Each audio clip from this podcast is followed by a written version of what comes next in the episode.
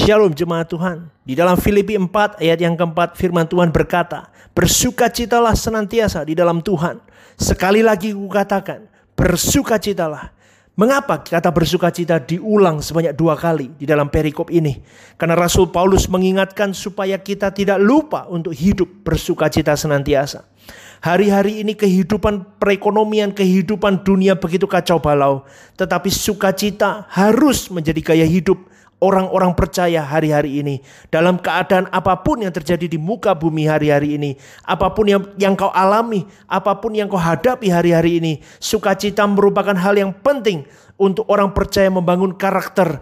Karakter yang kuat, karakter yang tangguh, karakter serupa dengan Yesus. Hari demi hari mereka hadapi bersama dengan Tuhan. Karena percayalah orang percaya, Tuhan punya rencana yang indah apa pun yang terjadi dalam hidupmu hari-hari ini.